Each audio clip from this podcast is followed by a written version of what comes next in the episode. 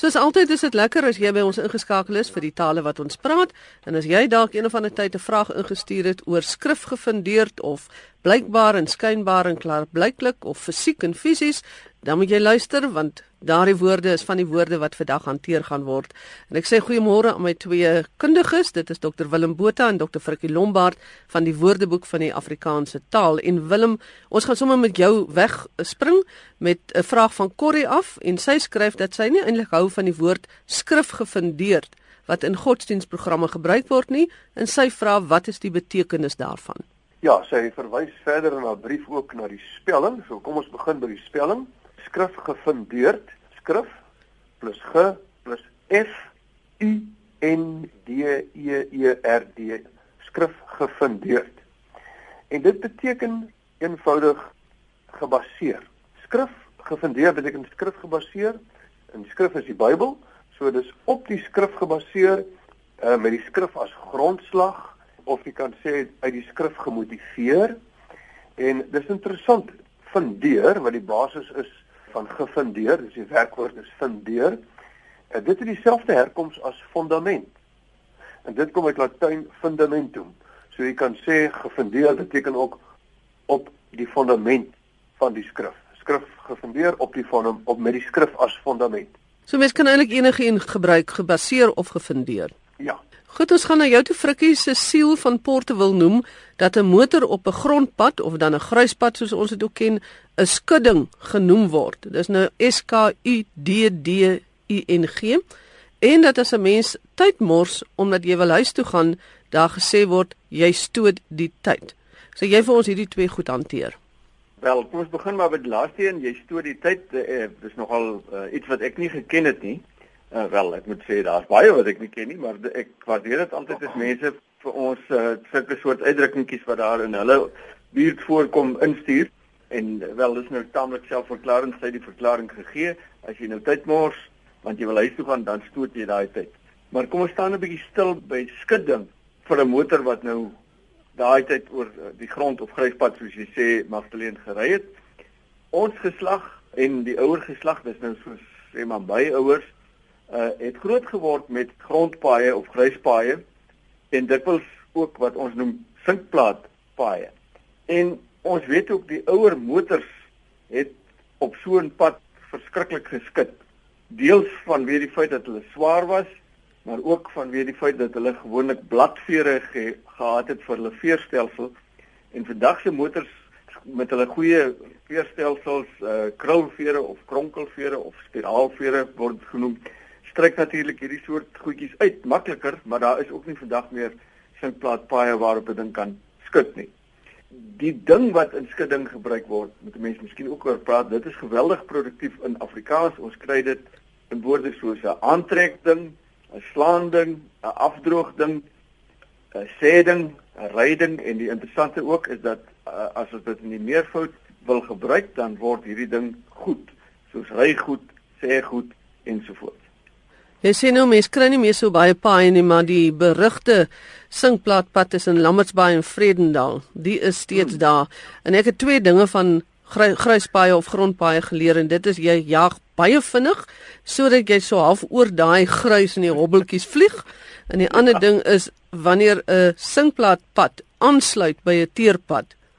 Daai oorgang van die teer na die sinkplaat of die sinkplaat na die teer is van die gevaarlikste goed wat daar kan wees en dis waar die meeste ongelukke gebeur omdat die die die wat is die Engels is nou grip, wat is die Afrikaans? Die greep van die motor. Die greep van die motor is verskillend op die teerpad as op die gruispad. Ja, ja.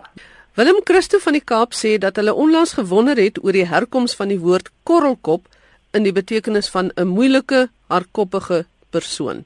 Watter ja. van julle twee korrelkoppe gaan dit vir ons antwoord? Ek sal probeer. Die kaalkop sal probeer. Nou, volgens die etimologie woordeboek van Afrikaans van die WAT En Anton Prinsloo se werk uitdrukkings en waar hulle vandaan kom word iemand 'n korrelkop genoem omdat so 'n persoon herinner aan iets wat 'n korrelrige tekstuur het en krapperig is. Nou so 'n persoon is ook krapperig. Hy word gou kwaad, hy's moeilik. Hy hy sê 'n krapperigheid aan hom as wat iets met 'n grouwe tekstuur het. Maar daar's ook 'n tweede verklaring wat lui dat dit dalk verband kan hou met die Nederlandse woord korselig. En korselig beteken bekleierig of opvleend. Gerard van Stellenbosch vra dat ons oor blykbaar en skynbaar teenoor klaarblyklik gesels. Frikkie, gee jy vir ons 'n antwoord? Ja, dit is uh, eh, dit is 'n vraag wat ek nogal waardeer want daar is maar 'n bietjie verwarring oor hierdie woorde. Nou, uh die drie word meestal as bywoorde gebruik natuurlik, maar ook soms byvoeglik en hulle word heel dikwels verkeerd aangewend. Blykbaar uh word nou so dikwels verkeerd gebruik dat hy nou al 'n betekenis gekry het wat hy streng gesproke uh eintlik nie moet hê nie. Die stam blyk dui op 'n soort stelligheid, uh iets wat heel seker of duidelik is. As ons sê dit blyk dat dan bedoel ons immers dat dit is duidelik dat. Dit is wat blyk se betekenis moet wees. Maar deur jarelange verkeerde gebruik het die ding nou 'n eie loop begin neem. Die betekenis het grootendeels begin verskuif na iets waarmee jy bloot waarskynlikheid uitdruk, nie sekerheid nie. En nou het ons nou hierdie twee betekenisse wat eintlik bietjie koppe stamp teen mekaar. Ek sal graag wil hê dat mense bietjie meer akkuraat met die taal omgaan en dit gebruik soos dit werklik waar moet wees. Maar in 'n nuwe woordeboek sal al twee die betekenisse uh, van blykbaar dan nou min of meer aangebied word, die een wat stelligheid uitdruk en die ander een wat waarskynlikheid uitdruk. Maar dit hoort eintlik nie so nie. Nou skynbaar, mense gebruik skynbaar om aan te dui dat jy nie seker is nie, want iets skyn net, dit gee net vir jou 'n gedagte, jy het 'n vermoede, maar jy is nie heeltemal seker nie. Dit dit is hoe skynbaar gebruik word. Klaar blyklik aan die ander kant uh, het twee versterkende items in in die woord self, naamlik klaar wat normaalweg beteken helder, duidelik sonder dat daar dubbelsinnigheid is en blyklik of blyk wat dan ook daai stellig beteken. So as jy klaar blyklik gebruik, dan bevestig jy sonder twyfel die stelligheid of sekerheid van iets. Die volgende ene is iets wat my nog nooit opgeval het nie, Willem, maar toe ek dit nou sien, Gideon het dit uh, geskryf hierdie vraag. Toe dink ek dit maak nogal sin dit wat hy vra. En sy vraag is sê, hoekom sê ons 'n motor is onklaar as hy stukkend is? En aangesien ons tog ook sê 'n motor is klaar as hy stukkend of gedaan is. So in die een geval gebruik ons klaar en in die ander geval onklaar, terwyl dit eintlik teenoorgestel is of teenstrydighede is. Gideon die die woord onklaar kry ons uit Nederlands en die klaar van onklaar beteken vry van hindernisse of belemmering in 'n toestand van gereedheid. So as iets klaar is, is hy gereed, hy's reg. Maar as hy onklaar is, is hy nie gereed nie, is hy nie reg nie. In 'n Nederlands was dit oorspronklik 'n skeepsterm. Skepe was klaar, dan was hulle gereed om ter see te gaan. In aansluiting hierby wil ek net vra want mense hoor dit baie keer in verkeersverslae. Uh mense praat in die algemeen as hulle sê o, daar's 'n motor stukkend op die N1 net buite Kaapstad. Nou dit is nie stukkend nie, dit moet wees onklaar. Hmm. Maar dit is al so ingeburger. Ek hoor omtrent nooit iemand praat van onklaar nie. Hulle sê die motor is stukkend en dan verstaan As niks fout met die motor as niks fout met die motor is stukkend nie, hoor is daar nie fout nie. Ek het dan gedog as jy sê 'n motor is stukkend, dan is hy letterlik, jy kan sien hy's in flenters. Ek dink stukkend kan soos Willem sê waarskynlik meer beteken of hy hy's polisemies, jy weet hy het nog betekenisse. Dit kan wees gebreek, want as 'n motor onklaar is, dan daar iets gebreek in die engine dat hy nie meer kan ry nie of die battery het ingegee of so iets. Ek, ek dink stukkend word gebruik soos jy nou reg sê ook. Ek is nou maar 'n van die van die ouer geslag wat sal verkies as 'n mens nog van onklaar hmm. praat. Gebreekte motor? 'n Gebreekte motor dan ja, ook, ja. Ja, dit word gebruik. Solank jy net nie sê hy hy afgebreek nie, broke down nie. Ja. Ja, dit kom nou direk dan uit die Engels uit. Ja.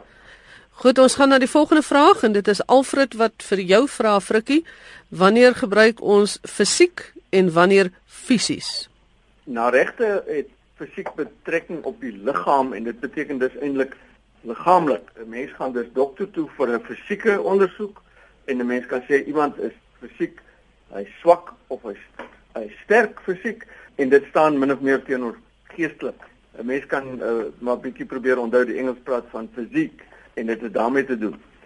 Daarenteen het fisies eintlik betrekking op die stoffelike of die tasbare werklikheid, die natuur, die heelal, die fisika en dit beteken dis natuurlik as sodanig staan dit eintlik teenoor uh, die intellektuele en die geestelike.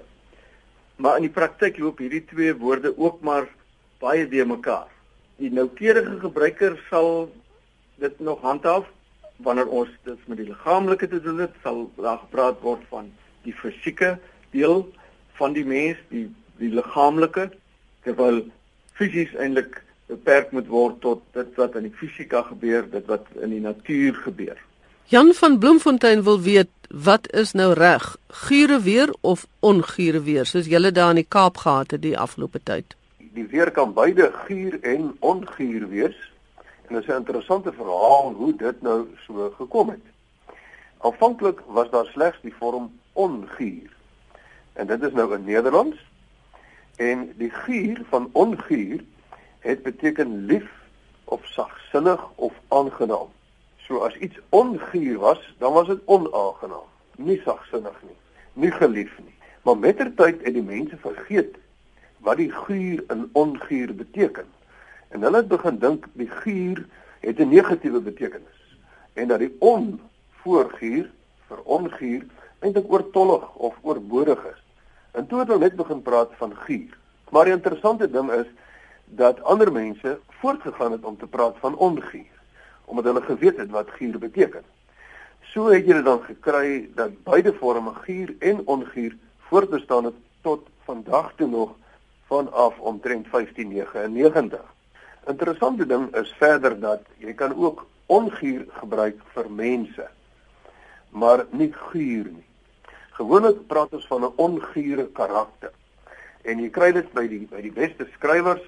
Ek kan vir jou hier 'n mooi voorbeeld gee. As jy praat van 'n ongure persoon, dan bedoel jy hy wek agterdog of hy's van twyfelagtige karakter. Ehm um, daar's byvoorbeeld in in 'n Sari van 1987 hierdie sin in haar drang na liefde knoop sy links en regs verhoudings aan, gewoonlik met ongure mans. Mans wat agterdog wek, mans wat van twyfelagtige karakter is.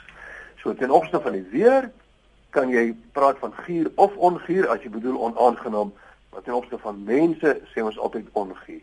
Koos Gerber wil weet hoekom ons praat van 'n vraestel wat nagesien word en ek dink sy probleem lê seker by die woord vraestel. Ja, ek dink dit is presies waar die probleem lê. Uh in die algemeen kry mense dit in die algemene omgang in elk geval dat uh, dat daar maklik gesê word ek is besig om vraestelle na te sien dit is nou weer eens maar streng gesproke nie heeltemal korrek nie. Die vraestel is eintlik daardie dokument waarop die vrae staan.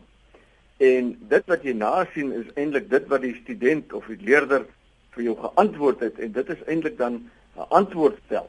Wat ons ook maar ons praat ook baie keer van die gesamentlike antwoordstelle wat jy nasien as skrifte.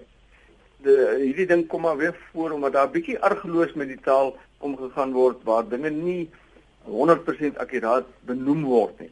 Uiteindelik word dit so dikwels verkeerd gebruik dat dit nou maar aanvaar moet word op 'n manier, maar ek sal tog wel graag pleit dat mense taal bietjie akkurater moet praat en daarmee moet omgaan. Ek wil net sê dat hierdie die afgelope uh, drie vragies uh, wat ek beantwoord het van skynbaar af en blykbaar en uh, fisiek fisies en hierdie een het ek nogal baie goeie raad gekry by Hat se taal en feite gids waar Tom McClaglin ook mee gedoen het en uh, ander goeie taalmense soos Jana Liter en, en Fred Pfeiffer. Uh so uh, vir die luisteraars wat belangstel om so 'n taal en feite gids te kry en ek ek gee nie advertensie nie, ek gee maar net raad want ons soek altyd uh baie keer iets om na te speel of na te slaan oor 'n woord. Hierdie is nogal 'n goeie bron. Dis nou nie die gewone hat nie.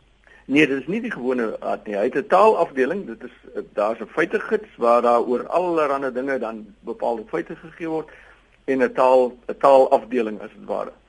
Uh wat wat werklik waar die jy weet die goeters waarmee mense sukkel of waarmee hulle sukkel om 'n onderskeid te maak tussen bepaalde woorde wat daar vir jou taamlik helder en duidelik uiteensit wat aangaan. Net vir 'n oombliekie nog by hierdie vraestel wat nagesien word of die antwoordstel wat nagesien word. Wat van merk as ons antwoordstelle merk, is dit korrek? Weet jy, dit is uh, daar's daarteen ook maar taamlik geskop omdat dit na die Engels is te te maak. Ons praat maar gewoonlik van nasien is maar die die vorm wat verkies is, maar merk word vreeslik dikwels gebruik waar ons eintlik moet sê dalk nasien. Willem Tertius Baartman wys op woorde wat verkeerd uitgespreek word, soos politici. Ek neem aan hy verwys na mense wat sê politici. Tertius het uiteindelik 'n lang aanloop wat ek nou nie daar vir jou gegee het nie. Hy sê eintlik ek het begrip daarvoor dat 'n meer informele aanslag nou gevolg word in radioaanbiedings, maar dit hoef nie korrekte taalgebruik te raak nie. Hy sê ek wil ook graag my eie taalgebruik verbeter en daarom soek ek dikwels leiding. Nou sy eerste opmerking gaan oor die gebruik van woorde soos nice, great, commitment en actually deur omroepers en verslaggewers. Ehm um, en hy sê ehm um, dit is tog nie korrek nie. Tersius ek dink dat hierdie woorde gebruik word deur mense waarmee onderhoude gevoer word, deur gaste of mense met wie onderhoude gevoer word. Ek dink nie omroepers gebruik dit nie. Dan het hy 'n ander interessante vraag. Hy sê wat is nou reg? So ver moontlik of so ver as moontlik. Ek het 'n bietjie gaan navorsing doen. Daar kom dubbel soveel voorbeelde van so ver moontlik voor as van so ver as moontlik. Maar beide is korrek. Dis wisselforme van dieselfde konstruksie. Die een is net korter as die ander. Kom ons by die uitspraak. Hy praat van politici maar hy is reg die die korrekte uitspraak moet wees politici en nie politici of politici of wat ook al nie politici. Dan praat hy ook oor vergelyk. Hy sê mense is geneig om die klem op die vir te praat, dan klink dit amper soos vergelyk. Die korrekte uitspraak daar is vergelyk en daarmee sluit ek dan af wat sy navraag betref. Ja, dit dink my nou aan verrykend en verrykend wat ja, mense met die ja. spelling ook baie keer 'n fout maak. Nou hierdie politici moet ek vir jou sê uh, van die politici self en baie keer politieke kommentators is geneig om te sê politikuste. Hmm, dit ja. is weer iets wat vir my, ek het 'n broertjie dood daaraan. Frikkie, hier is 'n vraag oor rybaan vir voorkort. Ons het so 'n rukkie terug met een van ons vorige um, besprekings daaroor gepraat. Rybaan en voorkort en dit is François Potgieter, wil jy nie net weer daaroor praat nie? François skryf hy hy sê hy is 30 jaar reeds betrokke by 'n volstasie in Leidenburg en hulle praat van die voorkort as die rybaan. En hy sê hy sal graag die kundiges se kommentaar wil hoor. Nou by 'n vorige uh, geleentheid het ons van 'n voorkort attendant wat nou 'n mooi woord is eintlik vir 'n petrol joggie, 'n pomp joggie het ons gebruik en daar word dan gesuggereer dat die voorkort dan nou hierdie netjiese plek is wat Frans wat sê hy nie eintlik ken nie. Hulle praat nie van die voorplein nie, maar van 'n rybaan by die by die volstasie. Ek sal ook graag wil hoor hoe ander volstasie eienaars, jy weet of hulle ook hiervan praat want dit klink vir my asof dit heeltemal 'n term is wat 'n mens kan gebruik. Ek wil net vir François sê daar is natuurlik ander gebruike, ander betekenisse ook van rybaan in Afrikaans. Dit is met ander woorde 'n polisemiese woord. Dit beteken hy het meer as een betekenis onderskeiding. Op die lughawe is die baan waar langs vliegtye beweeg tot by die aanloopbaan word ook 'n rybaan genoem. Dan kry ons ook 'n baan wat vir 'n heel bepaalde doel of soort verkeer gereserveer word, soos 'n rybaan vir busse of ambulanses of die. Rybaan is ook soms ons gekry in oprit na jou huis toe kan ook die rybaan genoem word. Dit kan ook 'n 'n terrein wees rond wat vir wedrenne of 'n uh, rensport voorberei is. Byvoorbeeld ons voorbeelde gekry van BMX ryers het 'n rybaan en verneekpan of akskeenpan se rybaan word voorberei vir 'n snelheidsrekord weer. Dit is ook rybane. En natuurlik word rybaan ook soms gebruik waar jy net gewoon bedoel baan. Dit is die verdelings wat jy op 'n snelweg kry waar ons sê jy moet verbygaan in die regterbaan of regterrybaan en jy moet links hou wanneer jy stadiger ry in die linker rybaan dan. Baie dankie nou vir die taalnavraag vir vandag. Moet ons nou ook die rybaan verlaat en ons motor nou eers in die garage of is dit nou in die motorhuis gaan trek? Ek gebruik albei. En albei is korrek. Garage word nou natuurlik ook gebruik vir die plek waar jy motors versien en so aan of waar jy petrol ingooi maar ek dink jy het fout met garage. Ons gaan sommer in die garage in. Soos ons baie keer praat. Baie dankie weer vir die insiggewende antwoorde Dr Willem Botha en Dr Frikkie Lombard en dis Magtene en Kreer wat groet met die tale wat ons praat tot 'n volgende keer.